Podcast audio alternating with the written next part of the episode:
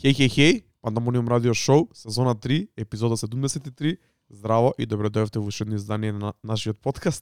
Јас сум Дарко Айрискреч, ова до мене е мојот човек Трајче и Activity. Здраво Трајче. Здраво Дарко, здраво Пандамониум радио екипо, се надевам дека сте добро.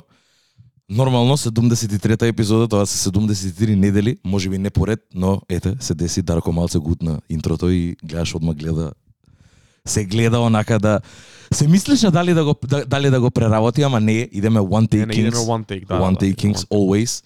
Нормално е тоа, it's only right. А, дечки, добро дојдовте уште уште у една нова епизода. Се надам дека сте добро стварно. Ја и Дарко а, и мислам дека имавме, можеби ова беше едно од нај онака за нас очекуваните као уисчекување епизоди кои што сакавме да ги постиг да, да, да ги снимеме бидејќи имаме толку многу за зборење. И It's only right само да почнеме хронолошки онака, бидејќи како и секоја епизода веќе луѓе знаат, почнуваме хронолошки со еден мал, мал, мал онака рикеп и на викенд и на све тоа што се дешавало неделата измеѓу. Брат, најакото е дека има многу за зборење, а реално треба да збориме само за последнава недела. Да. Имаше една стек недела и затоа се надам дека ќе имаме една стек епизода во која што ќе ги раскажеме сите дешавки што се десија почнувајќи од снимањето тука со Кискин, Јап, па се до денес онака седум дена фул активности, фул дружба, музика, патување, концерт, супер епизода, содржина на социјални мрежи, журки, викенд, све тоа. два родендени, Све тоа. Све тоа. све што треба. Да почнеме, а? Да почнеме. Ајде. А, вака, прво, прво и првенствено, огромен, огромен, огромен шараут за Кискин, кој што беше одличен гостин, кој што, за кој што имавме преубава, пре, преубава епизода предходната. А, фидбекот од неа беше феноменален, онака, луѓе многу позитивно реагираа на сето тоа, бидејќи, кој што и рековме и кој што очекувавме, да една многу убава перспектива на други ствари, дека е човек кој што има долги години позади него како артист и како, како уметник пред се. И онака, а стварно ми е мило дека луѓе добиваат добиваат онака ја добиваат поголемата слика преку нас. Ме разбираш преку начинот на кој што го водиме се во ова и гостите кога ќе дојдат имаат имаат многу што да кажат и мислам дека ја добиваат голем поголемата перспектива на сето тоа. Плюс многу е добро и за нас ќе кажам бидејќи ете на еден начин и а, неговите луѓе и луѓе кои што можеби не знаеле за пандемониум преку Кискен онака би дознали и за нас. И тоа е тука тој bridging the gap момент, спојување на две страни од, од истата култура која што за која што цело време збориме и на еден начин сме и амбасадори за тоа.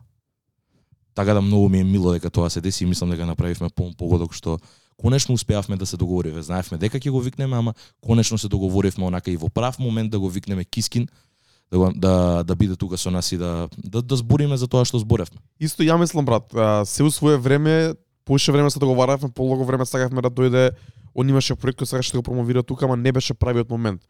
Ова така некако спонтано се погоди да се погоди на многу добар ден, кај што може да се зборат многу работи, да биде Origins епизод Origin Special, што исто така ми беше многу мило дека го вративме и тие моменти дека така малце ретроспективно киски не раскажуваше за неговите почетоци, за неговиот тек на кариерата која според мобетите што ги направи он 2,5 сати зборевме има долга и исполната кариера како артист, но и пред се како фан. Мислам дека Апсолутно. најголем takeaway од дружбите со него, со Попај, со цела екипа од Велес, цела екипа од Струмица, е тоа дека као ние сме пред се фанови на ова. И стварно сме фанови на музиката и на културата, без разлика кој какви преференции има, дали повеќе сака традиционален бумбап звук, дали можеби некој сака West Coast звук повеќе, дали некој можеби ги сака 2000-тите, дали некој сака траперата, мастард, миниерата и слично. Не е ни битно дали новиот стил кој сега Апсолутно, да. се појавува. Не е битно кој лейн од музиката повеќе ти се допаѓа, кој саунд ти се допаѓа, кој ти е омилен артист. Битно е дека сме за тие луѓе кои ги спомнав, сигурно и други многу тие посебно луѓето кои се делат на Пандамониум Community се стварно фанови на културата и без разлика дали ние го водиме овој подкаст, тој не гостин или можеби некој друг би го водел, ние пак би слушале би биле во тек со стварите што се дешаваат, бидејќи сакаме да знаеме што се дешава. Јас сакам да слушам приказната на Кискин како фан на хип-хопот, како дел од македонската хип-хоп сцена повеќе отколку како водител на Пандамониум радио. Дефинитивно. Од таму, од таму, од таму тргнува се. И мислам заради тоа а, си го давам тоа право онака бидејќи сум пред се фан онака. А, Исто. Не се не, не доаѓа прво пандамониум, туку прво доаѓа онака фан И тоа бидување фан љубов- и- 10-15 да, години. и, и љубов на хип-хоп музиката и како го живеам тоа. И сакам да го сагам сакам само да да одадам почит на на луѓето кои што ја креираат, кои што ја ствараат, ме разбираш. Ние имаме удел у тоа, ти имаш поголем удел у сето тоа. Артистите имаат можеби и најголем удел у сето тоа. Така да there's levels to it и као јас сум тука само за да за да фацилити не знам да дадам платформа на еден начин за сето тоа да биде поддржано и да биде истакнато на некаква платформа, на, на неков подиум и платформа. И заради тоа ме радува дека постоиме и дека има взаемна таква љубов и поштовање, бидејќи откако искочи епизодата и направив муабет со негови луѓе, онака чисто како за фидбек, што како мислат и како сит реакциите беа многу позитивни. Така да тоа отвара само многу поише ствари и, и знаеш она, врски за понатака за да расте се во ова, не, не, не пандамониум, туку пред се хип-хоп културата во Македонија. Се слагам брат, скроз го погоди муабетот и искрено ќе кажам дека јас сум задоволен од епизодата. Мислам дека добро ја искенлавме ја водевме хронолошки да оди да нема многу одење back and forth, на пример кој што имаше кога беа Панчо и Лазе тука, али Добро. ние учиме секоја секоја следна епизода, секој следно интервју, многу е различно кога збориме ја и траече ви- више енергијата и динамиката си имаме створено после 73 епизоди, али кога има гости не скроз нешто други, секој човек си е посебен на свој начин и секој човек во моментот кога доаѓа да збори тука ќе биде порасположен за зборење, помалку расположен за зборење, можеби ќе треба да се води, можеби некој ќе си каже се сам. Да. А уметноста на интервјуирање е тотално друга посебна работа и онака е нешто спешал кое доправо го учиме. Исто така и другите работи со Пандамониум брат, интрото, се здеткувам се бунам, извадивме фристайл вчера Yes, sir. од а, гостувањето на Кискин, кој исто така е многу голема и нова ствар за нас. Јас сум искрено многу задоволен од фристайлот. Не сум можеби задоволен од интрото мое, бидејќи се сеснав два-три пати, се бунам, но се тоа е поради тоа што немавме многу време и го правевме one take онака и дури на крајот на денот излага поприродно отколку да го представам јас интрото 10 пати па да го лепиме после да го правиме на други начини. Сега Апсолутно. Јеби ga се учи тоа, се учи тоа, тоа зависи некаде колку сум наспан, колку сум пиен кафе, колку сум јаден, колку добро ми работи главата и колку сум уморен бидејќи тоа го снимавме и после 2 и пол сати муабет Ау, да, ау да. и плюс еден сат местење тука претходно, али no excuses. Ја мислам дека и фристайлот излезе добро, а пандамониум сесија не ја- не крстевме ни број 1 бидејќи не е број 1. Ако требаше биде ќе беше број 0 бидејќи пилот. Апсолутно бидејќи Пробне. беше пила, да. А, проверете, а сигурно више ви се појави на социјални мрежи, ќе ликнеме и тука сигурно. Значи со Кискин имавме онака фулон дружба, два и пол сати муабет, пандамониум сесија каде што он рокаше негов текст на бит на Hyper, што, што исто така уште еден момент на Bridging the Gap, две генерации на а, од едната страна артист и продуцент кај Јап. Кискин, од другата страна само продуцент кај Hyper и мислам дека одличен момент. Они можеби Кискин што се вика и скоро дупло постар од него, али си направи и они муабете стапија во контакт и мислам дека и одлично Hyper ни прати одличен бит Дефинитивно. Кискин го извозе уште боле. Вака, на, само, само, само за да дам контекст на сето тоа, а, Кискин ни прати референца и рековме со Дарко, окей, ама кидеме со наш инструментал. Кој боле него ли некој од нашите луѓе? Не, едноставно имаме Дискорд кој што каде што има многу продуценти, каде што има артисти и си рековме, окей, тагни ги сите продуценти, си имаме посебен канал за нив, каде што тие си зборат за своја продукција, за битови, за све тоа, everything production related, таму се збори. Само ги тагнав и им пишав и дечки ово и ова, и имаме задача, ни треба бит до тогаш и до тогаш бум, два-три бита ни пратија луѓето кои што имаа време, меѓу кои беше Хайпер, највеќе нај, највеќе ни се свиеше неговиот бит, многу беше ударен, многу беше и дури имаше и цел аранжман. И дури го вративме назад, му рековме и брате, молам препрегод ни треба поише ко Сайфер.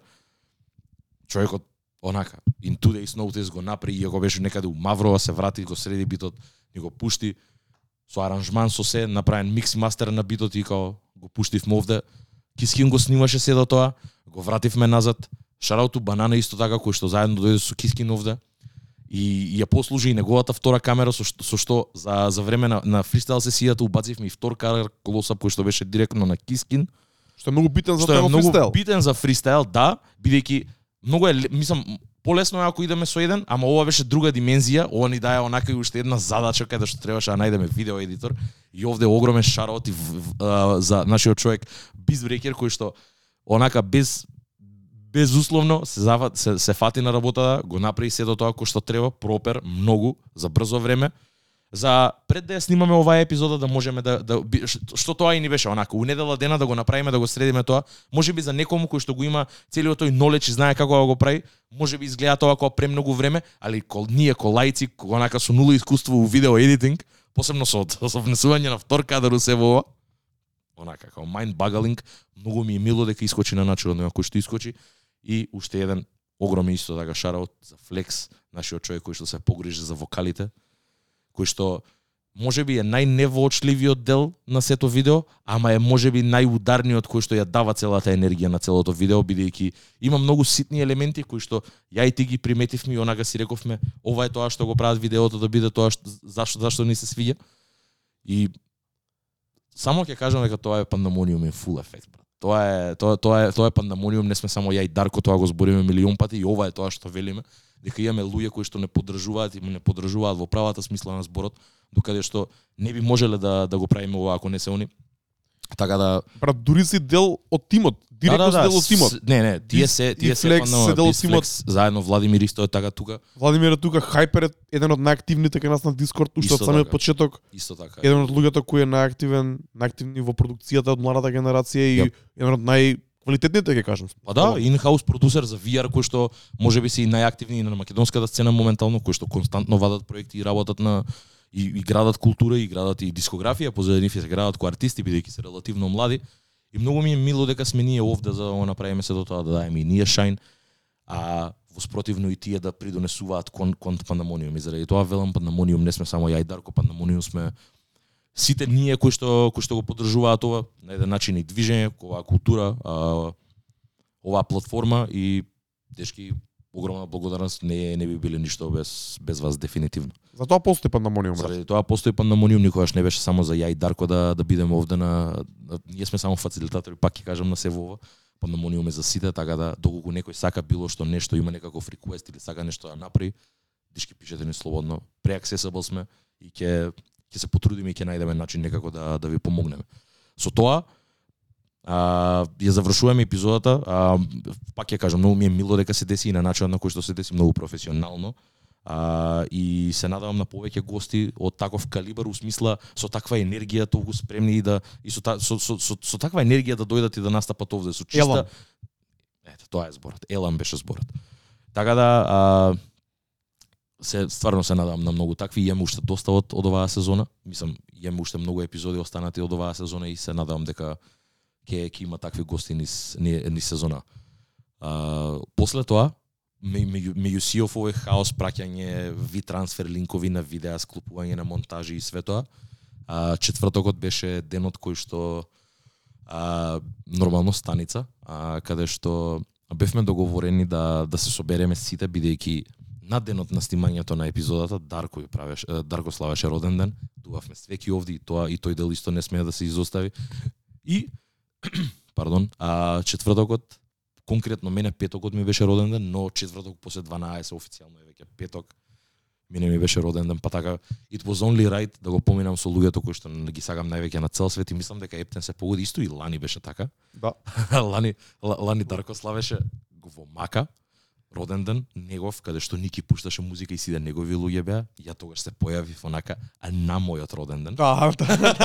Да трајче беше роден и си дојка мене на роден. да, и, и славевме и славевме роден ден за двајцата годинава, истото се деси, каде што на мој роден ден Дарко неофицијално славеше роден ден.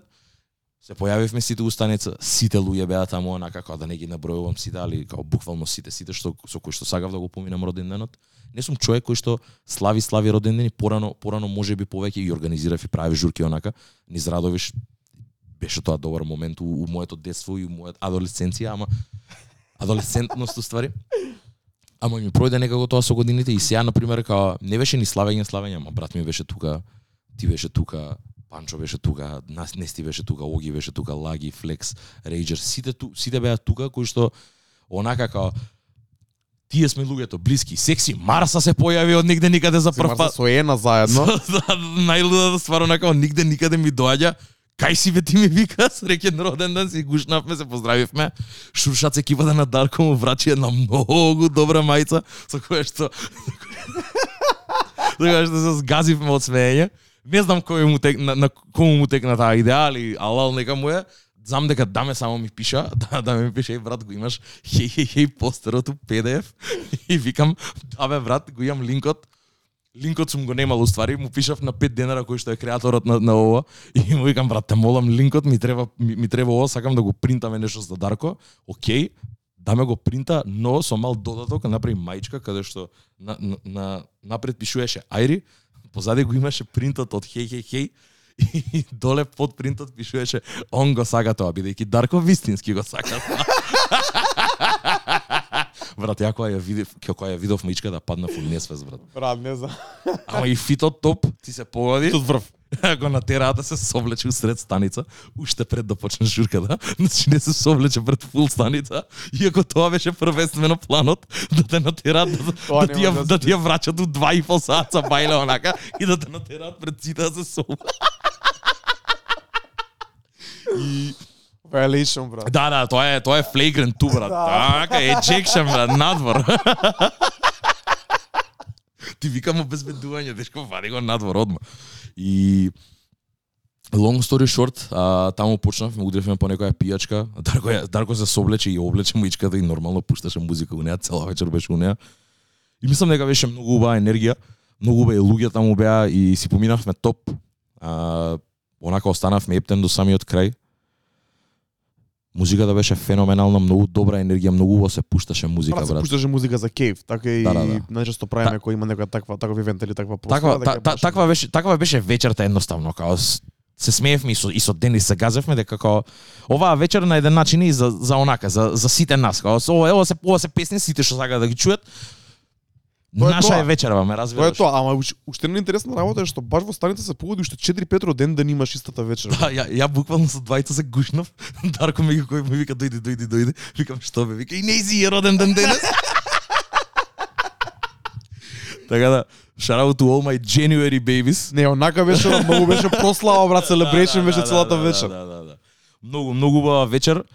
А, имавме одличен клоузинг, малце малце пијан. Дарко на еден момент како си рече, не можам више. Тука веќе на последните 15 минути од 15 минути од сетот, станица трае до 4 саат. Не знам, те некај 3-45 замина онака отиде пијачка, пиеш позади. видовме, не видовме, даме влезе да пушта музика да пополни.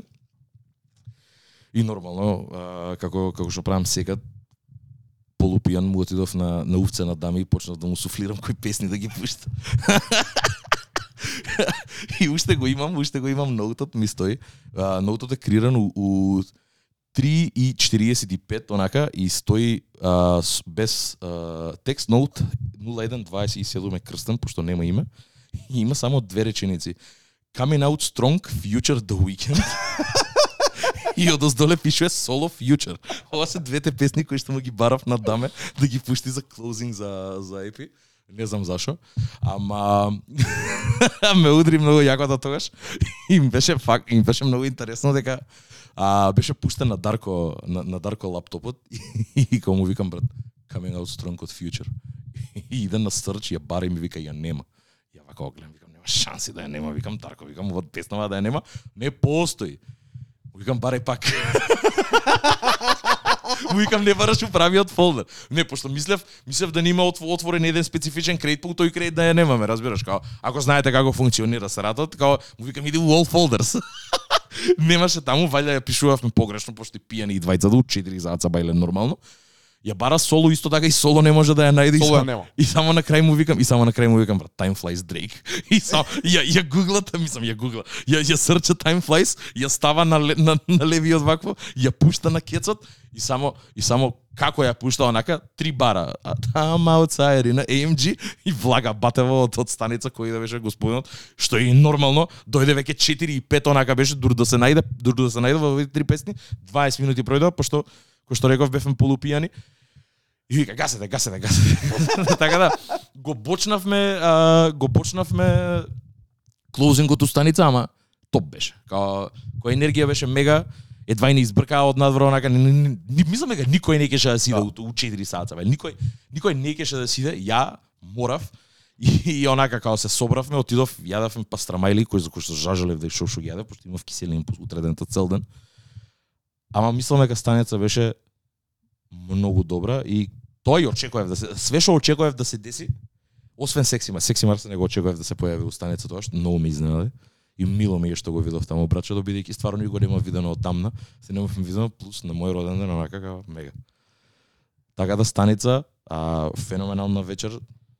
Па и таму не ни прекина онака. Мислам дека тогаш од четвртокот, као од Сабајле се разбудив, бев на работа цел ден. Отидов у станица, пиев до 4, јадев некаде до 5, 5 и пол и имав автобус у 6 саат Сабајле и тргнав за Велес.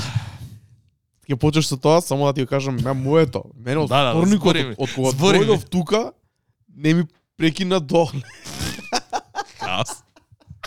За тие што слушаат аудио, само што потурив пола литро вода на, на тепих, ама нема врска. Продолжите мол. Ништо не се деси, опремата е топ. Средата си имаше мало славање со другарите, со најблиските. Да. Четвртокот цел ден бев со другари од, од средно у кафана, се нема видено баки лузи вратени у Скопје. Фер. Онака ептен. Паки беше таму леле колку се гушкав. Па ти викам, значи брат, сите што требаше дојда. Четврт, четвртокот после тоа станица full on, у станица се поминав одлично, како што кажа и трајчата, не се повторам, дојдоа тие луѓе што требаше да дојдат, фала на сите што дојдовте за мене, сите што славевте роден ден таму, сите што дојдовте за своите другари и другарки, или сите што дојдовте рандом да не испоштувате нас. Шарот до сите што побараде и частам пијачка дека ми беше роден ден и тоа е за поштовање. И Да, да, јас зажалив кога си ја видов сметката на крај на вечерки, нема нема ни да лажам, брат. тоа е. тоа е, тоа е. Беше прослава, беше прослава и беше добар момент онака е, за крај на- на јануари да се подзаврши така. Јап. Од поглед на Spicy, Spicy Thursday, следуваат многу интересни ствари. Во четврток имаме Secret Act, специјален гостин, ќе го најавиме наскоро, stay tuned и очекувате многу интересни ствари во станица секој четврток, па натаму следниве неколку месеци спремаме доста, доста, доста интересни ствари кои мислам дека ќе ви се свигаат и повелете дојдете, што да ви кажам друго. Трајче? Yes, sir. Uh, ќе продолжам ја, како, како заминав од станица, отидо со брат ми, јадев у Ладелишес.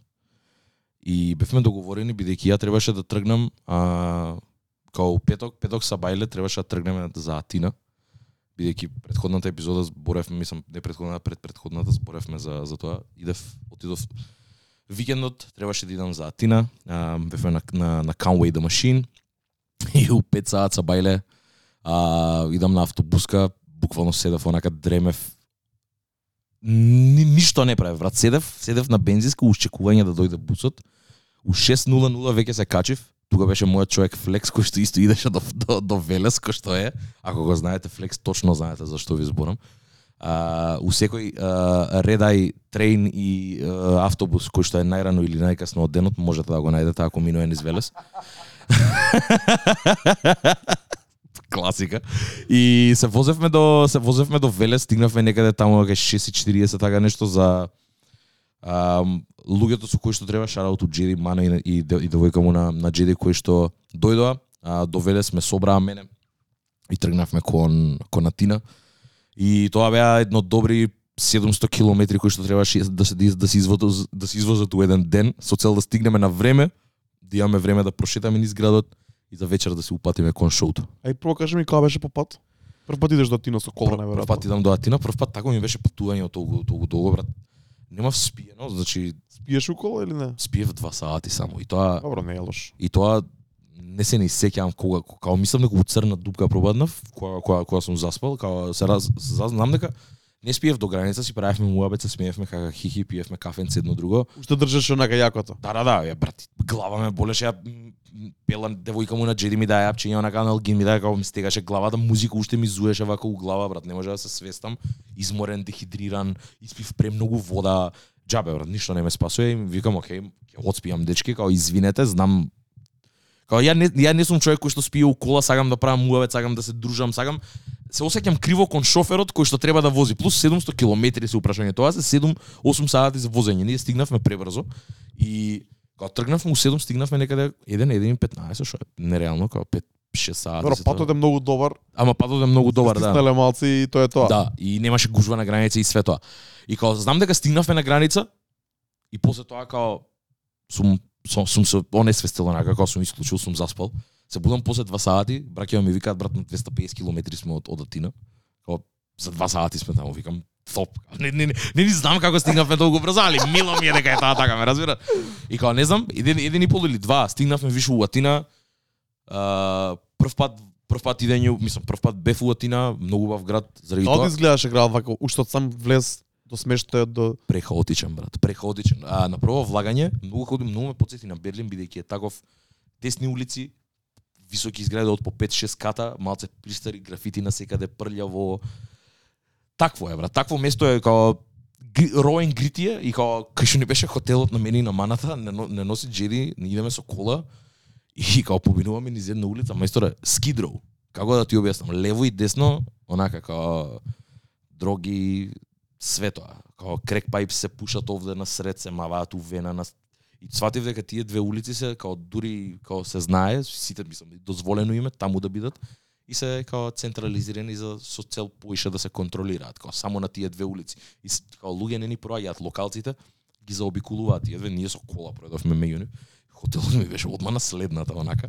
Ама беше безбедно, не се не, не се не се почувствував на ниту на ниту еден момент небезбедно у Атина, иако може може да ти изгледа многу небезбедно дека како многу е хаотично, многу брзо се вози луѓе ич не пазат има премногу скутери онака никој ни, ништо не гледа брат семафори има на секаде ама никој не го интересира за семафорите чудна култура многу многу поразлична него ли Солун например, кој што исто така за прв пат го видов и у, недела, у недела бев со брат ми ама ништо посебно многу поразлична енергија беше и као убав град убав град, ама а, не е тоа што очекував, очекував многу постари елементи да има, ама као стварно е, се гледа дека има модерна инфраструктура, дека е модерен град онака и тој монастараки делот е околу Акрополисот е единствено нешто што е онака задржано поавтентично.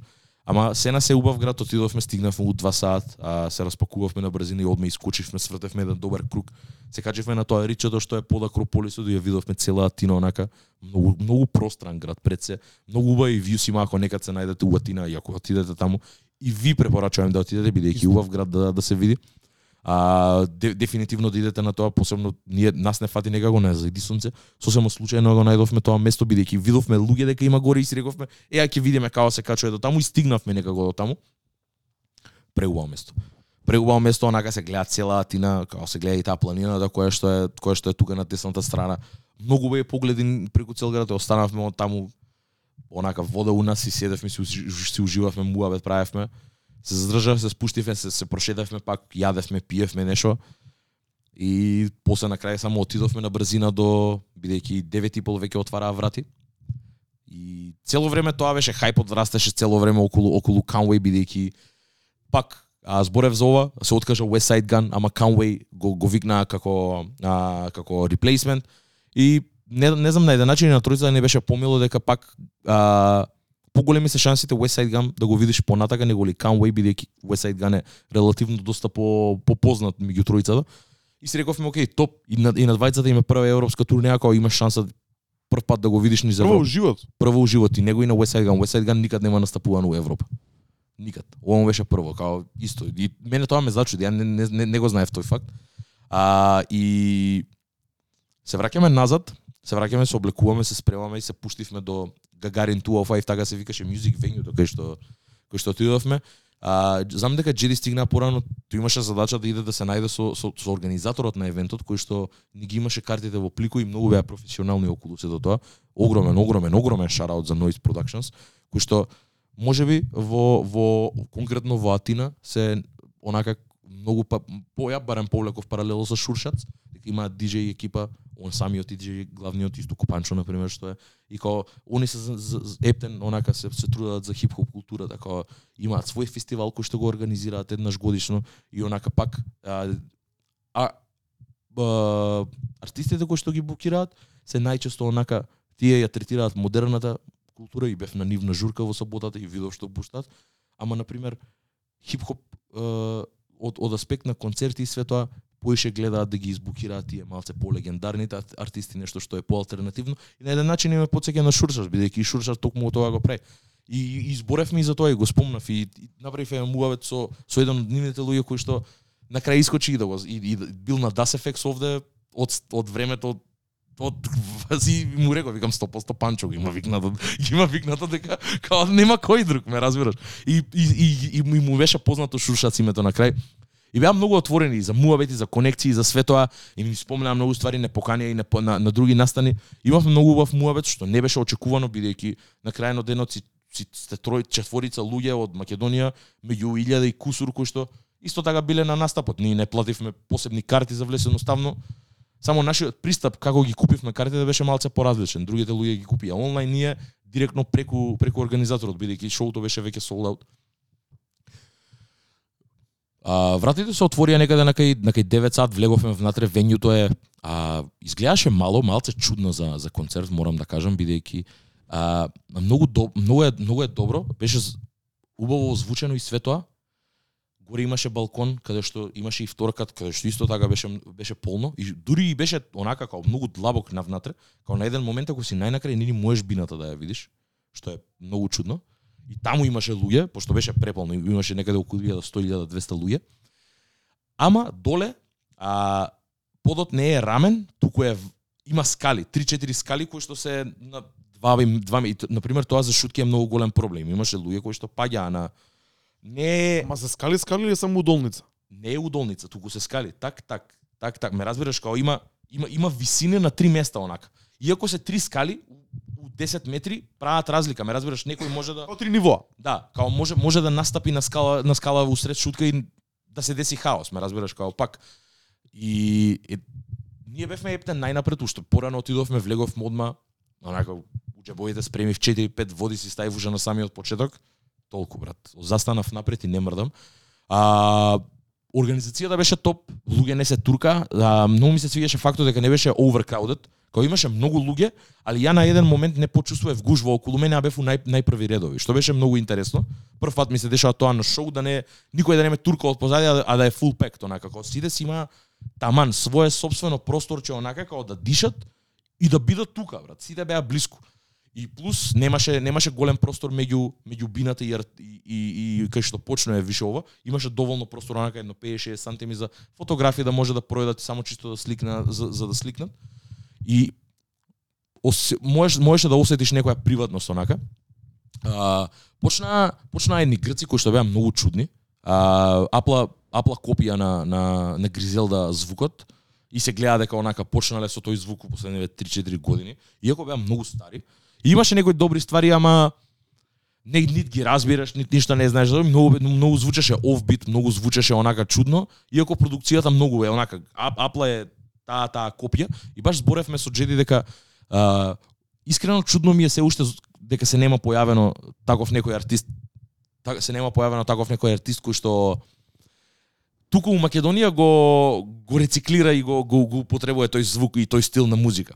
Уште се нема појавено таков рапер, не можам да се седам на некој. И ама небитно. Заврши он нормално, никаде не пишуваше кој ќе настапува, кој ќе отвара за за Conway И тука искочија поише луѓе онака, имаше ама сваќам Conway као Conway е втор артист онака од Гризелда што се вика. И не е на пример некој као мејнстрим артист за да има кој знае каков отвараш на пример кој што сме биле на Future и имала Стефлон Дони некој так.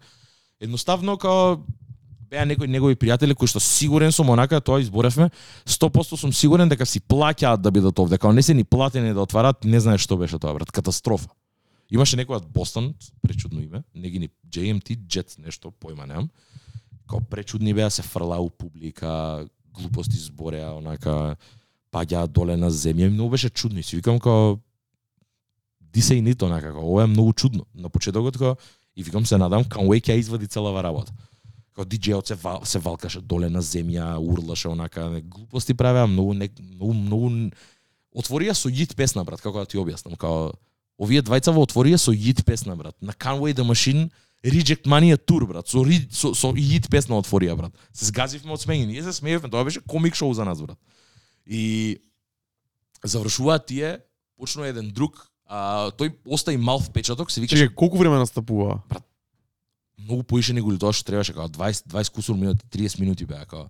И дојде еден што е што личеше премногу на Pop Smoke и се викаше Brody Fresh и као тој ни остави барем впечаток онака како има и песна со Conway се гледа дека е рангот на drum work е поише по погоре него ли овие другиве. И као и он, е од, он, он, он беше од Нью Йорк, а и се гледа дека као и таков стварно личеше на Pop Smoke, имаше таква енергија ко ко Conway. А малце боле, ама пак не е нешто за да ти остави впечаток онака, после го изгуглав, али ништо посебно. Заврши и тој и после тоа а, искочи диџејот на Conway, DJ T, а, и почна тука да загрева со неколку ствари. Што пушти? Па не, пушташе поише ствари, пушташе ствари што а, ама, ама, мене тоа ме разочара пошто на пример, не знам, сетот го отвори со Титос Бек, на пример што е Може би мојата омилена песна од од, од сите тројца, као и си викам, окей, чим ја пушта оваа, значи е нема да ја настапи, а инаку таа ја знам word for word, онака, тоа ми е и таа е од 2018 онака, као таа е една од постарите песни која што за мене е на пример по калт класик онака, за луѓе што ги слушаат од подамна ја знаат. Настапи со, со, со неколку песни кои што предпоставив дека нема да ги нема, нема да ги пее уживо, ама викам окей, окей сум со тоа, као нема врска од плюс минус од од ствари што ги гледавме и на нет, знаев која му е сет листата да и кои песни ги настапува, ама знам дека имаше моменти кај што навлага многу длабоко у каталог. Тука а, као нормално си имаше таков добар гимик кај што окей, сакате да го чуете Conway, као Ама тука енергијата веќе почна многу да расте, брат. На почетокот енергијата беше многу слаба, дека едноставно луѓето не не вибрираа со тоа што се дешаваше на сцена. Али дојде моментот што го сите чекаа и одма сите енергијата одма се крена онаку у неочек, у неисчекување. И тука се тука као сака да го еде Conway почна да пушта и ја пушта бенг за луѓе што што што што слуша што го слушаат Conway. Бенг му е исто така едно од онака по по првите траки кои што по кој што е познат и таа трака е со Eminem, таа е од 2018, 2019, ама он има еден многу добар медли е, кај кај што ја спојува Бенг првите четири бара кои што му се легендарни и почна ја со Piano Love која што му е од онака понова и као ја пушта Бенг на интрото искача он се појавува таков у худи со ланци со све многу многу добар entrance онака и на почетокот баш го имам тоа и на видео која влага почне бидот и он почне да рапува, али ништо не се слуша, пошто майкот мајкот не му работи. Менаџерот у истиот момент, многу реакција, измеѓу барот му го дава неговиот мајк што го држеше во рука, му го дава на Канвей, Канвей продолжува да рапува од вториот лайн. и тука луѓе се надоврзуваат со него. Има и третиот и четвртиот лайн се uh, I, како беше? I run upon you like uh, niggas like uh, Kyrie like suck my dick. И тука кога вика suck my dick, дропно е сето тоа и почна и влага Piano Love. Piano Love е една од најтешките Conway песни, онака битот е ненормален, многу е многу е прљав онака и кога удре тоа, толку веќе. Тука енергијата отиде у пичке матерна, брат. Ја од тој момент си изгубив тотално телефонот, вака само го држев у рака, снимав. И заборив дека и снимам онака, као само многу многу многу добро, енергијата беше феноменална и нема да нема да идам word for word што се дешавало на настапот, на настапот, али И не смета, брат. Раскажувај. али енергијата што ја донесе човеков, уште од првата песна до самиот крај, беше нереална, брат. Ја ќе кажам, uh, right off the bat сум бил на многу настапи, сум бил на многу шоу, сме били и на многу големи артисти. Ваква енергија немам осетено, брат. Посебно ако, на пример, најчесто е знаеш она бумбапе, вакво е, као ќе не, брат, не, не беше такво, такво, као имаше луѓе што ги знаеа сите можни, као јас знам многу песни од Kanye, али не знам доволно, брат. Имаше луѓе што ги знаеа песни, песни, бе, брат, збор до збор, секој можен верс, брат, го знае, као секоја можна строф. И многу ме изненади како настапи со сето тоа, уште у две песни, а, уште две песни ин, као свати дека енергијата е на друго ниво, свати дека луѓе го сакаат и се доени онака сериозно за него, као не се доени пошто ај реплейсмент за West Side Gun као дојдени се пошто се фанови и на неговата музика, ме разбираш, го осети сето тоа и го кола на Никола Джеди кој а, го носеше и неговиот винил, тој го има Reject 2 винилот кој што е од 2015 еден од првите релисис на Conway.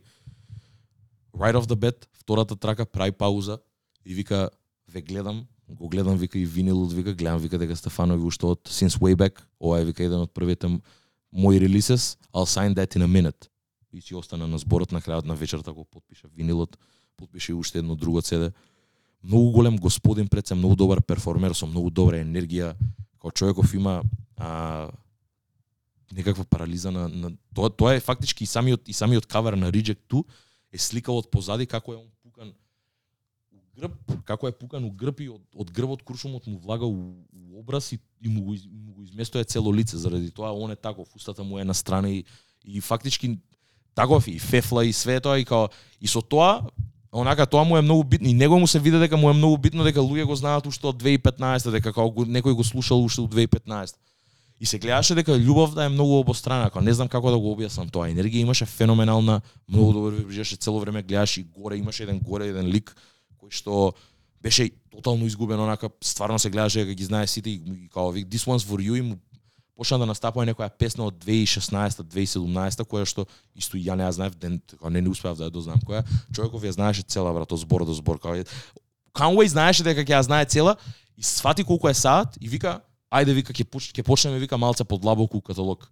Извади нов лист и му го дае на диџејот и со нов со као не не спрем, мислам, он го има спремено, ама тоа што го имал спремно го смени со ова бидејќи свати дека енергијава е на друго ниво, дека луѓето не се лајци и сакаше прво да настапува со многу попознати песни и ја го ја смени сет листата мид шоу брат. Што е многу за за почит брат. Респект. Као отиде со многу дип кац влезе брат. Тоа највише ми изненади брат. Брат, на крај на еден момент 3-4 траки, валја, валја и него го понесе многу енергијата, влезе внатре, се, се повлече на момент. А, ја не знам си помисли, викам да не му си има нешто слошено едно друго, се врати со винце у рака, со, со, со блантот у рака, викам морав малца да се смирам, едно друго, ми треба ова, вика, ја викам, прв пат сум овде, не знам Грција како е, не мислев дека ќе биде вака, ме фативте неспремни, како си кажам многу искрено. Али вика идеме малце подлабоко, толку вика готово вика и сега вика не ме интересира вика колку е тајм слотот, колку е се вика идеме до крај вика од овде од Бинано, вика ме вадат само јако кога ќе кажам дека ќе ме тргнат. И така и беше, требаше да настапи саат време. Човеков настапуваше саат и 40 минути од прилика како Ептен влезе длабоко се, као Ептен стварно се се оддаде на публиката. И од тогаш брат не прекина да рапува онака како почна со со многу а, не знам имаше имаше и такви познати песни на пример кои, кои што е Scatterbrain, а John Wooflick, не ја настапуваше ја на, ама, ама настапуваше од друга страна и песни на пример Stressed, која што му е на пример една од најдлабоките од God Don't Make Mistakes, која што е многу тешка песна, каја што збори дека е злостуван на 10 месеци дурбил, дека имал овде отвори на стомак од неговиот чишко, дека му правил лоши ствари, дека имал дете кое што му починало на раѓање и све тоа и тоа многу скоро дека е дека, дека, алкохол дека алкохол му е адикција дека заради тоа пие бидејќи истрауматизиран и све тоа дека е алкохоличар. Како многу сериозни песни онака и као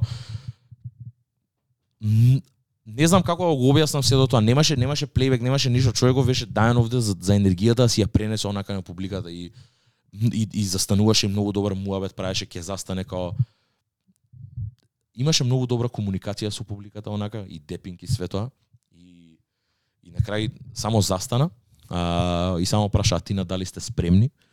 А, тоа веќе беше некаде мид, мид шоу онака тоа беше 30-35 минути мид шоу. А, ја веќе тука сум а, фул екстаза брат. Мене ми е преубаво као преубаво си поминувам не ми се верно не ми беше верно дека да реплейсмент и дека Conway ќе може толку убаво да си поминам пошто стварно ако ако гледам од West Side Gun Benny и Conway Conway ми е најмалку слушан. Тоа го кажав и претходниот пат.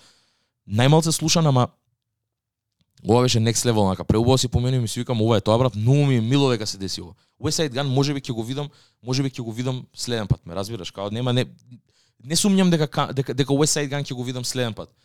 Доаѓа доаѓа доаѓа ова и вика само Athens are you ready? И ја пушта доктор Брц и слушам дека е доктор Брц, а доктор Брц мислам дека доктор Брц е уствари а, та тој момент на луѓе кај што ги знаат, тој им беше тој вирален момент. Tell Virgil write brick on my brick. И мислам дека сите ги знаат за тоа, као е, тоа е еден од моментите зашо ги сите знаат а, Гризелда бидејќи. Иако ја има го има тој правец, го зборевме тоа и со Кискинов дека се многу екстравагантен, дека се многу лакшери, дека ги имаат сите тие конекции како и со Virgil и со Kanye и со сите како тука се иако не ја прават таа музика што е што што, што се прави на пример него него негува тој трап звук, пак ги има тие конекции бидејќи се такви кои што се. Брато тука од ја не ни бев свесен, ја го гледав, ја ја го имам тоа и на видео брат, тоа е многу добро дека као го гледам Kanye, кај ми е телефонот таму ми се и очите и го гледам Kanye како спеснуваме тактер Брд се дешава на тука е интрото. И од нигде никаде брачето лево од мене вака, он беше свртен на кај передето. Човекот очекуваше, знаеше што курки се деси брат. И само го гледам и само слушам е, јао! И брат, само ово ми се дешава вака и само се вртам на десна страна и само го гледам West Side Gun како се појавува позади. Тука врат исклучив тотално. Тука исклучив, ја више немав глас, ја тука немав глас. И само исклучувам тотално, не знам што кур се дешава, викам ле, ле. Братот се појави од нигде никаде. Вчера, ка, значи дента предходно, Кано имаше шоу Милано, не се појави таму. А знаевме дека West Side Gun е у Европа бидејќи имаше имаше Paris Fashion Week и све тоа. И човеков од нигде никаде само вика е јоу и почне тука да влага најако на цел свет на, на, на, на, на Dr. Birds. Брат, ја тука се избезумувам и на тоа видео кое што го имам снимено, само на еден момент му се вртам на Джеди и го фаќам вака Джеди за маечко и му викам, абе, што кур се дешава онака и го тресам. Брат, почнав тука да вришам, имам voice cracking, све тоа. кога ја изгубив глас. Денес ми е првиот ден кај што гласот ми е во нормална состојба и буквално од кога се вратив пробав да не да зборам минимум као минимално што можам за да и пиев чај и вода само за да си го вратам гласот у некоја нормала брат.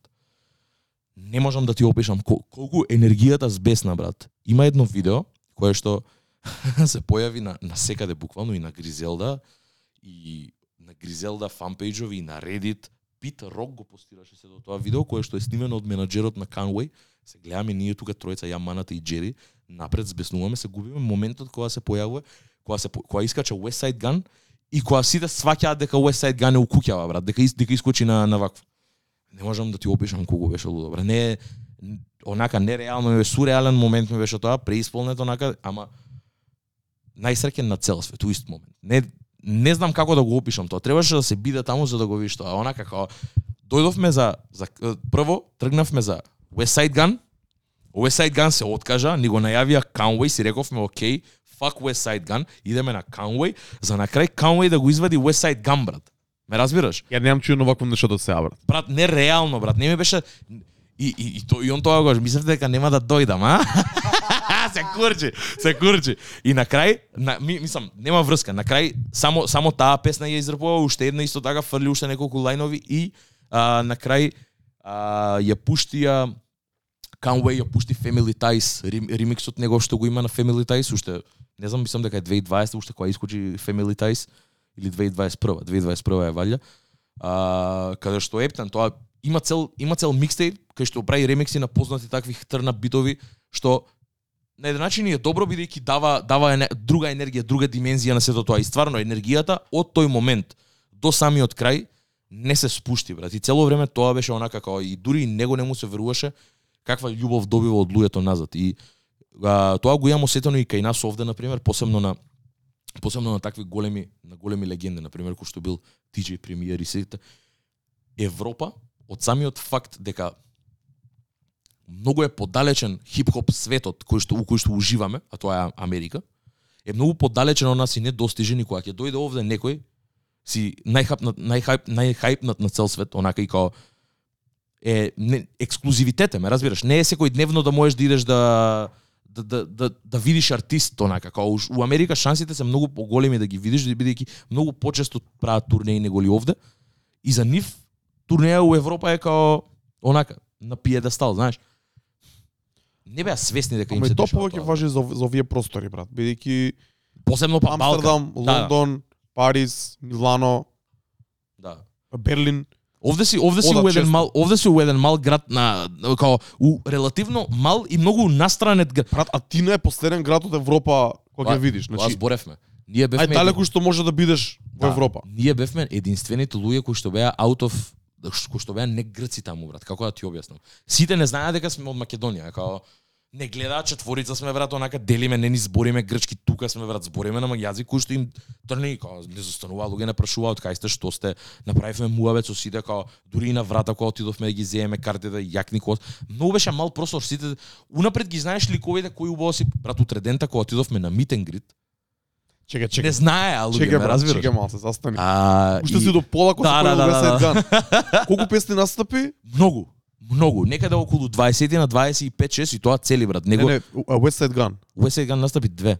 Толку. И као замина, не сакам да му одзимам време на брат ми, само сакав да ви послушам и да ви кажам дека ви должам шоу и дека ќе го направам тоа боле, се извини за сето тоа. И демек ќе направиме боле турнеја, ќе се вратам многу појако, а за сега знам што ме очекува кога ќе дојдам овде. Поштојам. Тоа тоа барем Добро, е со тоа окей. што првиот пат е секогаш најлит, вториот Да. пат можеби нема да биде така, Да, или ама- може да ама- има ама- другиот ама- ефект. Ама, ама пак него ќе биде првиот, пак, пак за него ќе биде прв пат, Да. бидејќи се нема појавено брат. Ова не беше ни ова беше само Еј го видов West Side Gun у Атина, брат, изненадно се појави на што за у Америка се дешава можеби многу почесто, брат, пошто кој што кажав, од Бафало или кај да живее West Side Gun моментално е 4 сата лет брат до било каде у Америка, брат. Као 4 сати, е ништо поише, брат. Атина, кој што е пичкевац доле, јужно, као да беше Берлин, да беше Милано, да беше Океј, фатил визерка, брат, ќе стигнеш, ме Не, нема врска, да, како. да, нема врска да беше Париз кога он бил на фешн шоу е друго. Да. Јас за јас на пример го видов Тревис Скот беше гостин на The Weeknd, surprise Лудо, guest, јас кога бев ко- на The Weeknd у Париз, ама има таму шанса да го видиш бидејќи таму е или скепта да се појави кај. Дрейк во Лондон или Да. Така? друго е. Да, тоа е нормално, ама да се појави West Side Gun Ко прво, од негде никаде у Атина, Не, of all па- places. Тоа сакав да кажам, дечкото што било тебе најверојатно знаел бидејќи не може да не знае никој. Организаторите знаеле сигурно, 100%. бидејќи мора да го има соба за него, да мора. стигне до хотелот со комбето да го донесат. Некој ќе го види. А некој сигурно го знае, чим они Ја- има и букирано ја- претходно. ја- ја- и ја- сигурно West Gun не шетал со капулјачен без без накитот само да се Да, да, скрие, да, него он си бил тој што си е како и да. Брат, нереално, нереално. Ја а, и целата енергија, мислам, цело време енергијата беше на исто еднакво ниво, као онака го удри пикот кога се појави тоа и остана, брат. И West Side Gun остана и на сцена, ја имам слика онака и као пали бланти све тоа као преубаво ми беше брат, преубаво чувство. Знам дека само на еден момент му се кога кога се појави, кога се појави Ган, а само му се свртев на Джеди на маната и им виков ова е најдобар роден што сум го имал некад, као ова беше Баш ми е мил. пикот на сето тоа, брат, као не, не, не ни знам како да го објаснам, брат, као тотално неочекувано, ти се појавува артист кој што сакаш да го видиш, кој што за кој што имаш првично купено карти и си имаш комит на тоа да дојдеш и ти се појавува, он го откажува тоа, се доаѓа Кануей неговиот брат и он пак ти се појавува, брат. Као 28 евра кошташе картата, ме разбираш? Најдобри потрошени 28 евра у живот, брат. Настрана пат, настрана хотели, настрана све тоа, брат. Не, не е ни битно. Као, Не ни толку многу брат на некој артист што толку многу сакаш да го видиш. да, брат. Повеќе сакаш да го видиш него некој најголем хедлайнер, него Playboy Не. карти или Тревис Скот брат. Ништо, брат. Така. Не икам, не икам да ги видам.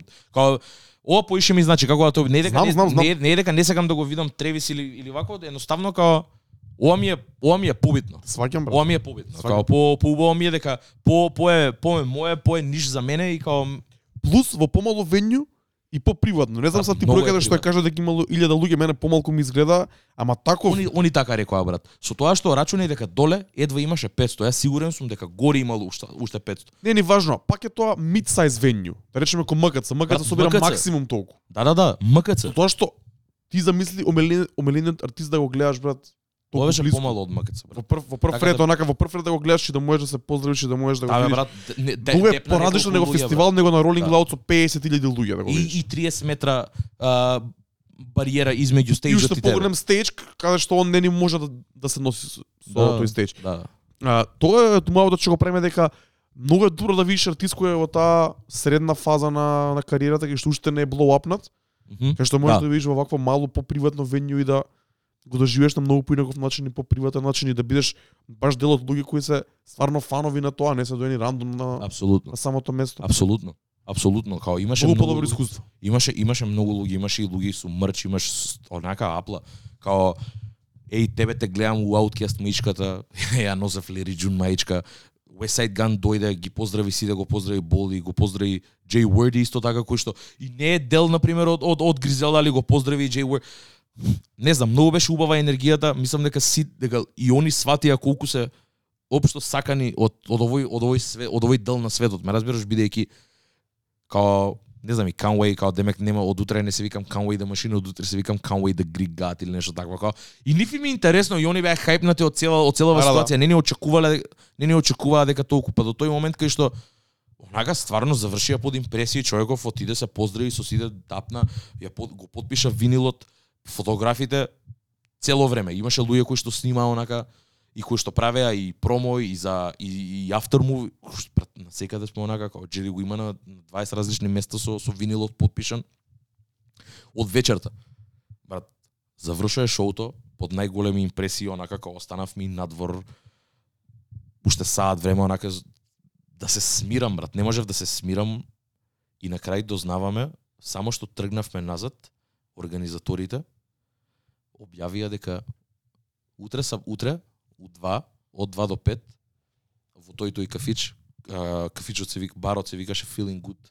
А, кој што е многу убаво место, дека ќе има meet and greet на Conway the Machine. И као, Фак, брат. О, топ, онака, као утре денот беше испланиран да идеме на Акрополис, да идеме да прошетаме све. Факет, брат, идеме на идеме на meet and greet тоа, е. ќе станеме утре порано са бајле.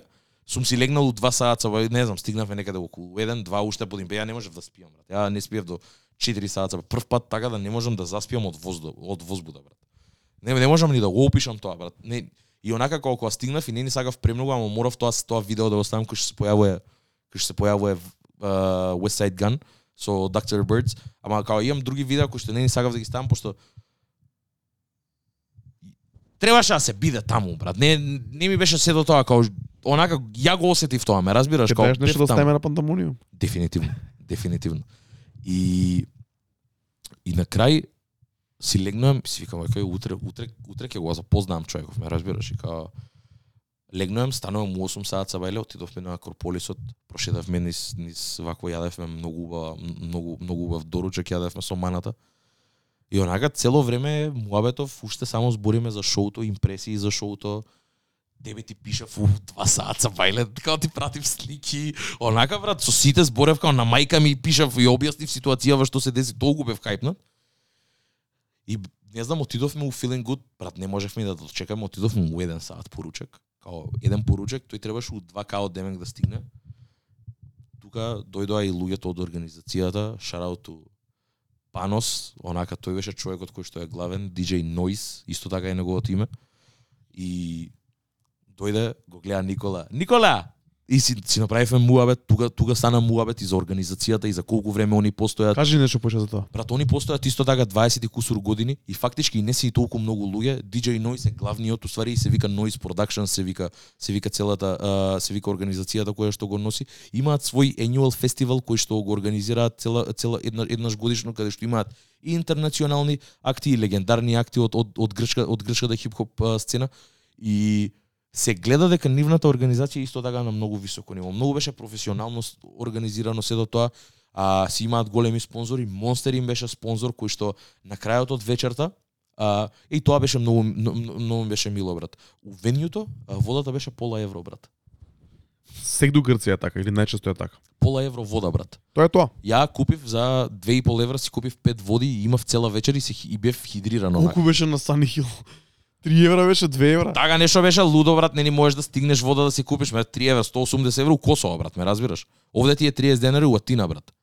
И као многу ме изненади единственото нешто што беше поскапо, ама и не е толку многу скапо, беше пола литро Монстер, дека беа вакво за на крај на настапот која заврши, има паркирано цел джип позади од кулери, вадеа и даваа без пари Монстер, колку сакаш зимај брат. Какви каков сакаш шугар фри Монстер, ваков Монстер, као дава и испоштува многу. Се гледа дека организацијата има е стварно дека го работат тоа сериозно и као дека дека имаат вако имаат луѓе, имаат артисти кој Джеро да Демежа, Моуз Дев ги имаат викнато, имаат многу многу Wu-Tang ги имаат викано као онака многу многу members од Wu-Tang ги имаат викано у Атина. И имаат големи екс букнато, ама кој што реков, за да поише се држат по по таа по традиционалната. И на пример, можеби да Conway да машини ми еден од најмодерните артисти што ги имаат викнато до сега. Брат, тоа е така бидејќи ти артисти можеш да ги, да ги приуштиш да ги донесеш. и да Едно ги приучиш и да ги донесеш, ама мислам дека и овде од самиот факт дека се 30 години стари, дека дека многу време долго работат и дека имаат многу поише се вреднувани тука на овие простори, кај нас конкретно. Заради тоа велам тука хип-хоп култура се слави многу убаво, кој што треба на шоус. Енергијата е стварно, сме, сме биле на шоус. Јас знам прв пат кога отидов 2010 или кога и да беше на DJ премиер како ми беше онака. Е плачев после тој настав, брат. Не ми беше верно, брат, што слушам и кој гледам, брат, како онак, Тоа, тоа е. И зборевме, а не поканија, а, знам дека, мислам, ни кажаа дека организираат многу ствари. Мислам, еве, ја не сум од Грција, така да не кој не, нема кој знае каква штета да направам. Уште не име, уште не име од извадено тоа, но а, не поканија на 30 години, а, мислам, прават, организираат настан кој што е дел од а, 30 year anniversary of Souls of Mischief, А, ти кажав и на тебе тоа Souls of Mischief се група од од Калифорнија која што а, ја има таа една легендарна песна 93 Till Infinity која што име за мене онака е топ 20 песни онака у, у, у поглед на есенција онака како таа е essential онака како не знам ко да next episode онака у, у тие води како и на пример има го имаат многу сличен имаат многу сличен вајб ко да Far Side на пример од исто од Калифорнија и интересни се, ама многу луѓе не ги знаат. Ама 30 години од албумот и демек поканети сте, дојдете слободно ќе ви даеме све што треба, ќе ви даеме сите потребни информации. Ве гледаме многу кул луѓе сте и тоа тоа го направивме утредента, онака цело време си пишува, они Никола си пишува на на на, на месенџер. Многу добар многу добра комуникација, многу добар впечаток ни оставија бидејќи пак ќе кажам, од 1000 луѓе, од 800 луѓе, колку и време, колку и луѓе. Ние бевме само четворица, брат, не ни бевме огромна група за ти така да се понашаш, да имаш таква приватна конекција со некој што дошол од Македонија е многу убава ствар. И кога отидовме таму, седнавме пијачка, они беа тука, дојдоа муабет си направивме. И дојде уште еден кој што а, валјда не е од нивната организација, ама гледам дека е диџеј, гледам дека организира и тој настане. Не му го фатив името како се викаше, нешто just нешто. А, и тој тој ми кажа вика од кај си од Скопје и му викам од Скопје, мислејќи дека тој грчки од класика муабет Скопје за Македонија кај што вика ти ми вика не не не не, не збор. Знам дека си од Македонија од Скопје. Кај од Скопје? Карпош, аеродром, центар, ја вака Е, гледам, викам, што? И вика, да бе, вика, ја вика имам идено, и вика имам доаѓано, вика на DASFX, вика го знам цело Скопје, имам вика завршено факултет заедно со на DJ Гоце брат му, се знам вика и со DJ Гоце. И викам брат, као DASFX, викам е организирано од Шуршац. Ја викам водам Сигурен мислам дека Или- можеби е можеби е Викам, тоа за го- не. 20 а, тоа може би за релиз албумот на Сав, на Сафизам или нешто такво. Можно е. Значи тоа е рани 2000 2002 2003 Така така нешто, така да. нешто.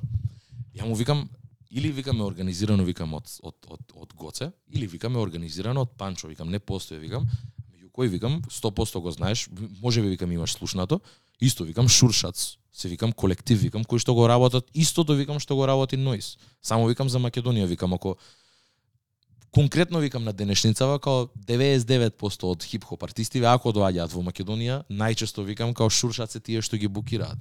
И ми вика имам слушнато за нив, не се знам викам, ама би било добро, и разменивме и линкови, му пратив се се заследивме на Инстаграм, направивме муавет. И онака многу кул луѓе, многу добра енергија, многу добро ти, ти прифаќаат, разменуваат искуства. Имаше луѓе кои што дојдаа со по 30, со по 20 винили, брат. Го имаше секој може на релиз на Conway, брат не ми беше јасно како онака секој секој микстейп, секој го имаше толкав стек на Conway, само Conway винили брат. Нереално брат. Имаше премногу луѓе, митен гритот почна, Conway тука се паркираше, а, направивме муавет онака и со и со не знам со, со организаториве, со неговото security, многу многу беа кул сите, многу беа отворени брат. И а, брат, тоа беше најтрајчен момент онака кој што не не Ја морам да кажам од од and Greet ги имам сите од од сите ги, ги имам најлошите слики со со Conway. Као Што се деси? нај најлошите слики брат. Ништо не се деси трајче брат. Не може да прекине да збори брат.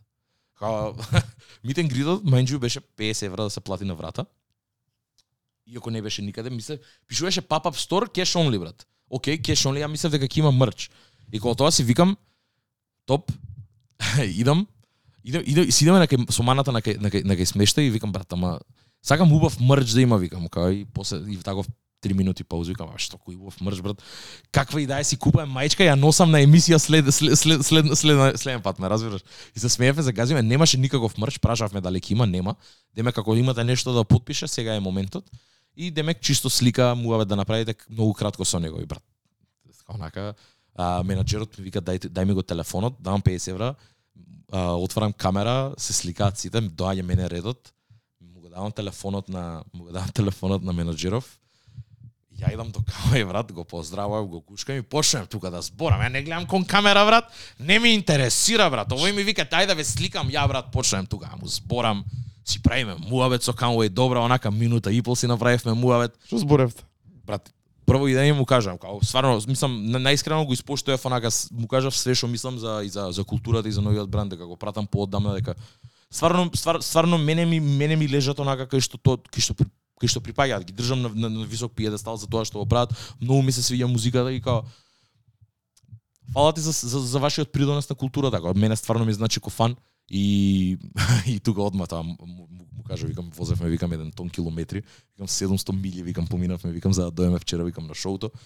Вчера викам на другари ми му го подпише вика го памтам вика и тебе и другарите вика ве гледа вика напред, тоа ми го кажа и ми вика на еден момент ми вика а а ја препозна с- маичката, ја бев со Роко Марсијано и Алхемист маичка, маичка вика I, I, I see you a big fan и него го праша, викам има некаков мрч, викам да си купам сакам маичка, да си купам, вика нема, вика следен пат, вика тоа ќе го направиме, окей.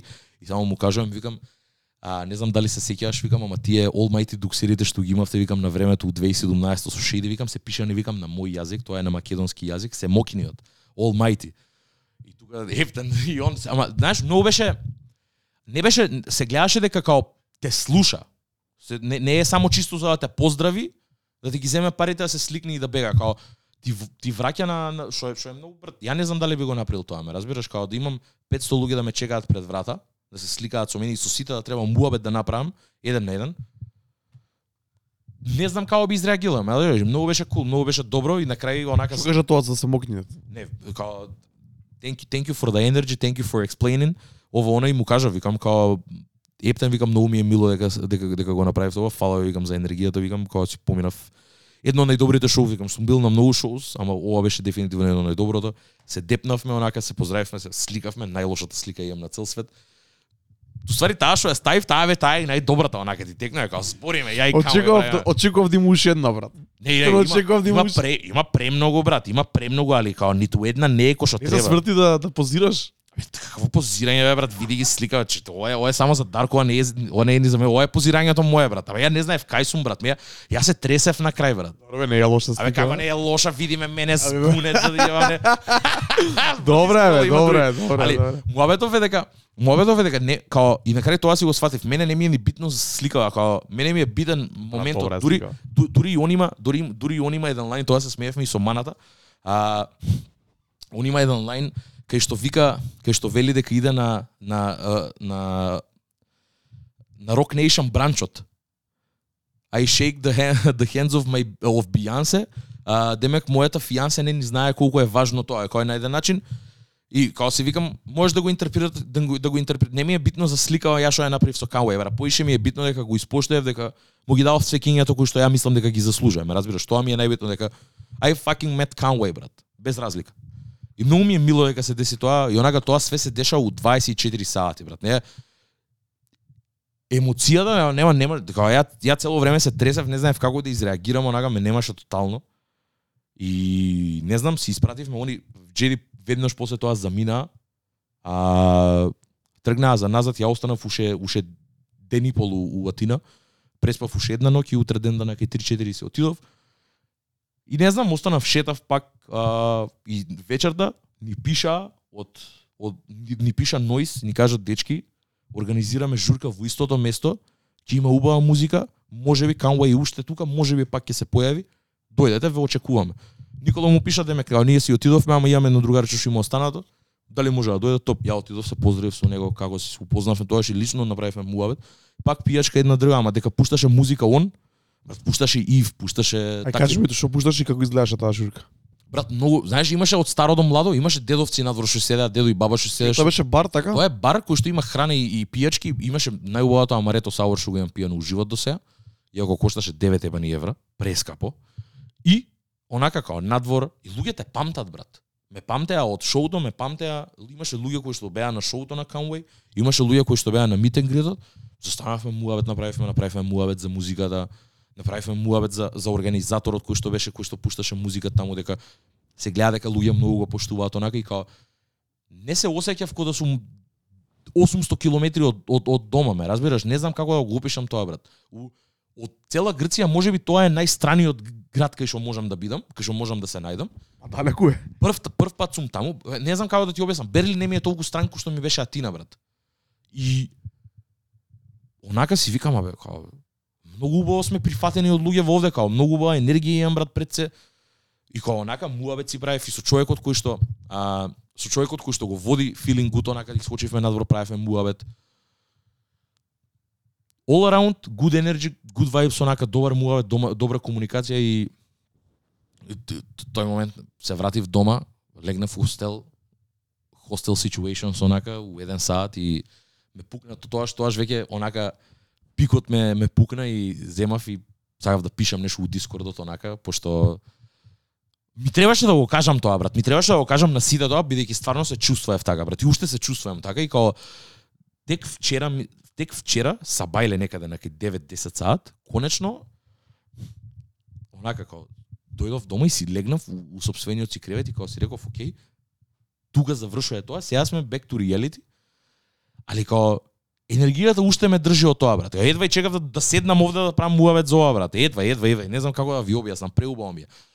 И не знам, ќе би ја прочитал целата си она цела целата Ајде. целата порака ако ако ја најдам, ама како и да е, морав ова да го кажам бидејќи стварно длабоко верувам у тоа и се во ова до сега што го кажав и што го раскажувам и со Дарко и уште од уште од претходната недела од која се деси од кога се деси Кискин и све тоа е се што сакавме од Пандамониум, само тоа ќе го кажам. А, да, еве еве еве пораката.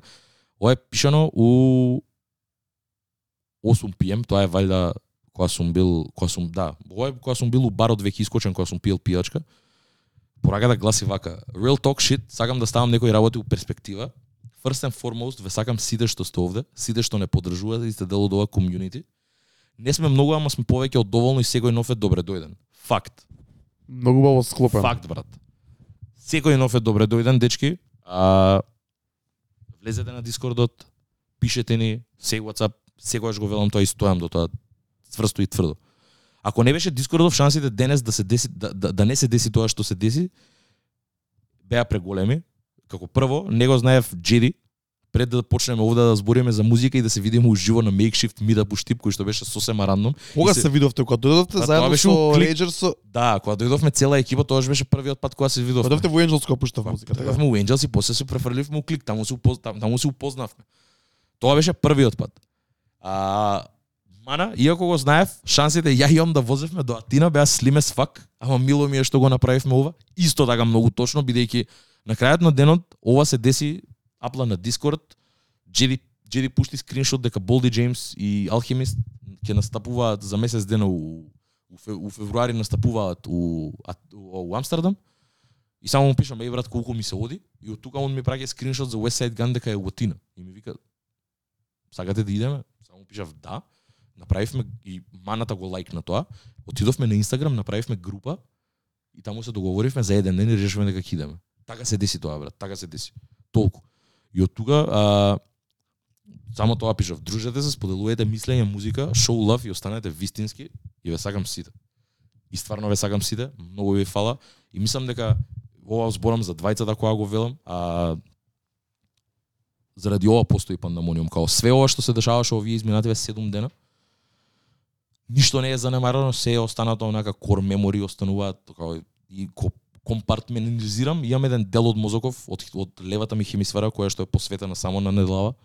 Онака тука ми е внесено сето тоа и многу ми е мило дека го направив и многу ми е мило дека се деси и онака се уште сум под импресија, многу сум среќен за тоа. Не знам, мене ова ме прави тоа што сум онака живеам за вакви работи и искуства. И многу ми е мило дека го правам луѓе со луѓе кои што сака кои што кои што ја делат истата пасија со мене, брат. Ме разбираш, као не од од од Кискин до Дарко, до Джеди кој што до Джеди до девојка му, до до Маната кој што беа со мене у Атина кој што го направија викендот до што кога биде посебен. Све тоа брат, до, до луѓето кои што не поддржуваат на Дискордот, кои што кои што кои што изразуваат љубов и поддршка и така да Дискорд in full effect, онака Pandemonium in full effect од од Flex до Beast кој што се погрижија за видеото да го направат така кој што изгледа за све тоа. Хайпер. Сите, сите, неговата сите, екипа сите, што ни беше тука на гости. Апсолутно, апсолутно, Сите луѓе кои дојдоа во станица, сите луѓе кои доаѓаат ностоп на забави, на дружби, сите луѓе кои пишуваат на Дискордот постојано, сите луѓе кои ги гледаат видеата, кои не слушаат на Spotify, кои ги слушаат нашите плейлисти, фала ви многу и како што кажа Трајче, ова се што се деси оваа недела е есенцијата на Пандамониум радио Апсолутно. и зашто ова постои се надеваме дека ќе има се повеќе и повеќе вакви ствари Дефинитивно. во иднината дека ова се само моменти што само ни даваат уште поише елан и желба за работа и желба за одржување на Да. ова нешто кое го правиме од љубов го правиме за културата и го правиме за доброто на сите под наводници. Дефинитивно брат, дефинитивно, значи тоа сакам дека сакам сакам да гледам ствари кои што ние не не, не сме ни вклучени у миксот, ме разбираш, сакам да гледам тројца рандом се нашле и отишле на Кендрик Ламар концерт у Милано, ме разбираш, или отишле било каде и гледале некои артисти или се издружиле, ни пратиле слика од Дискордот. Но ми е- тоа сакам да го гледам, тоа сакам да сакам да ги видам луѓе како се поврзуваат и како врз основа на заеднички интереси и без никакви задни намери се дружат и, и, и се подржуваат и изразуваат љубов еден према друг. Тоа беше една од првите идеи при создавањето на Пандамониум радио, да се спојат тоа ис- постои- истомисленици бидејќи мала државата, ама ти се знаеш со многу луѓе, ама не се знаеш со правите луѓе Да. секогаш преку првите онака извори на дружење, преку средно школа, преку факултет, преку твоето друштво. Најчесто најчесто твоите истомисленици се некаде на, на некое друго место, а Дискордот, Пандамониум, Инстаграм, се тоа, мислам дека местото кое треба да ги спојува луѓето. Истото важи и за настаните во живот. Истото важи и за фестивалите во Македонија, концертите, клубските журки, кафичите, баровите, тие што се окей, тие што треба да се испочитуваат. Добро место да се спојување со истомисленици, спојување со можеби понатам понатомашни нај- најдобри другари, кумови, партнери Све тоа. и се останат. Све тоа, брат. Све тоа, до таму кај што, еве, на пример, конкретно и тоа и го зборевме. Кискин побара број да се чуе со Флекс за нешто поврзано со епизодата. Кискин после ни пише у група, брат, као, многу ми е мило дека ми го дае бројот што се слушнав со Флекс, ме разбираш, као, Кискин е дупло поголем од Флекс фаќаат две тотално спротивни спектри на, на хип-хоп културата, кои што може би немаат никаква допирна точка. Како немаат допирна точка, овие го настапувале хит на концерт на Conway. Да, да, да, да, да, да, да, да, таа може би единствената. Но но се гледа дека почита и љубовта е чиста, ме разбираш и дека и дека Киски многу беше изненаден да од Флекс на пример кој човеки што успеа да направи со вокалите и како го направи се до тоа и од муабетот кој што му кој што го има направено И кажат дечки ќе се погрижам за некако да им се одужам на и на Хайпер и на Флекс, што е и цонни рај тоа заради тоа постоиме. Заради тоа е ова овде. Не сме овде ние само за да збориме два сати секој вторник, туку и да правиме позадински работи бидејќи сакаме да сакаме да го правиме тоа. И пак ќе кажам, неделава и се надам на многу поише, као ако може секоја недела, знам дека не може, ама ако може секоја недела да биде ваква, нека биде. Као Big Pandemonium Week, а, најпандемониум недела што сме имале до сега дефинитивно, а, и this one, this one was for the books, онака како сите работи што ми се деси у, у, те, у тие 7 дена, меѓу, меѓу кои, еве, не можам, не, не можам да изоставам, моите беа овде, цела фамилија ми беше овде, се видов и со мајка ми, со татко ми, брат ми беше овде исто така, кој што кој сакам највише на цел свет. Така да, се што можеше да се деси, се се деси и така, не можам да бидам посреќен околу тоа, брат. Тоа ми е, ниту една пара нема да ме го замена тоа, ниту една, ниту една друга таква материјална работа нема да ме го смени тоа. Едноставно све тоа што ми останува овде, работи на кои што ќе се сеќавам, тоа ми е само тоа, тоа, тоа мене ме храни у животот, тоа ми дава енергија и ко Таа таа е есенцијата, не може дар Дарко да сврши многу убаво. Таа е есенцијата на пандомониум и се надевам дека ќе продолжиме да да зрачиме на ваков начин на кој што зрачевме овие 7 дена. Се надевам и ја. Мислам дека со може да затвориме епизодата, одлично заврши и фала ти многу за прекрасното раскажување на вашиот провод у Атина и од срце ми е премило дека се поминавте така и пратев будно, пратев сториња будно, пратев на Дискорд што пишувавте како стварно сакав да се поминате добро и мило ми е дека дури ги надмина вашите очекувања и тоа за многу повеќе од што од што имаш. А Така, нима нима на секаде по социјални мрежи, онака како да ти објаснам дека сликата од West Side Gun кај што се гледа security-то на West Side Gun, security-то само си ја репостна на Инстаграм, онака до тој степен, ме разбираш? Многу ми се свиѓа, многу ми се свиѓа тој целиот нетворкинг, твој својот рич направивме, ја ја са вчера си пишував со диџејот на на Canway, направивме многу убав муавет, му спомнав и за подкастот дека го имаме, му кажав дека епизодава е dedicated to it за ова патување за сето тоа за да збориме. И ми кажа и прати ме ке ке се потрудам, ама нажалост му кажав уште од старт дека епизодата е на македонски, дека не е преведена на англиски дека да, нема нема да разберат, ама сигурен да биде сигурен дека енергијата ќе биде пренесена на начинот на кој што оние пренесоа и многу ми е мило дека се да се се до тоа и ете се надевам дека тоа ќе го доживеам и овде на, на, на наш терен. Ме разбираш дека ќе има момент каде што ќе се деси тоа, може би не лично ја, ама некој што е до нас или некој што е дел од пандемониум комјунитито ќе ќе се осети вака како што се осетив ја. Дај Боже ако е на неговиот роден. Тоа е тоа брат, ја немаше да дополнам, мислам дека се убаво кажа. Фала ви многу дечки. А, спремаме нови ствари за Пандамониум. А, и мислам спремаме нови ствари. А, спремаме ствари ко, ко што ко, што, ко што го имавме Кискин, спремаме работиме на на гости кои што сакаме да ги кои, кои што сакаме да ги видиме, кои што сакаме муабет да направиме. А, и не знам, се гледаме до следна епизода. А, кој што кажа Дарко, пак ова веќе стана и, и она. А, повик, ама четврток доаѓате у станица. Ја не знам дали ќе бидам таму, ама најверојатно ќе бидам бидејќи гостинот јас го знам, но вие се уште не го знаете.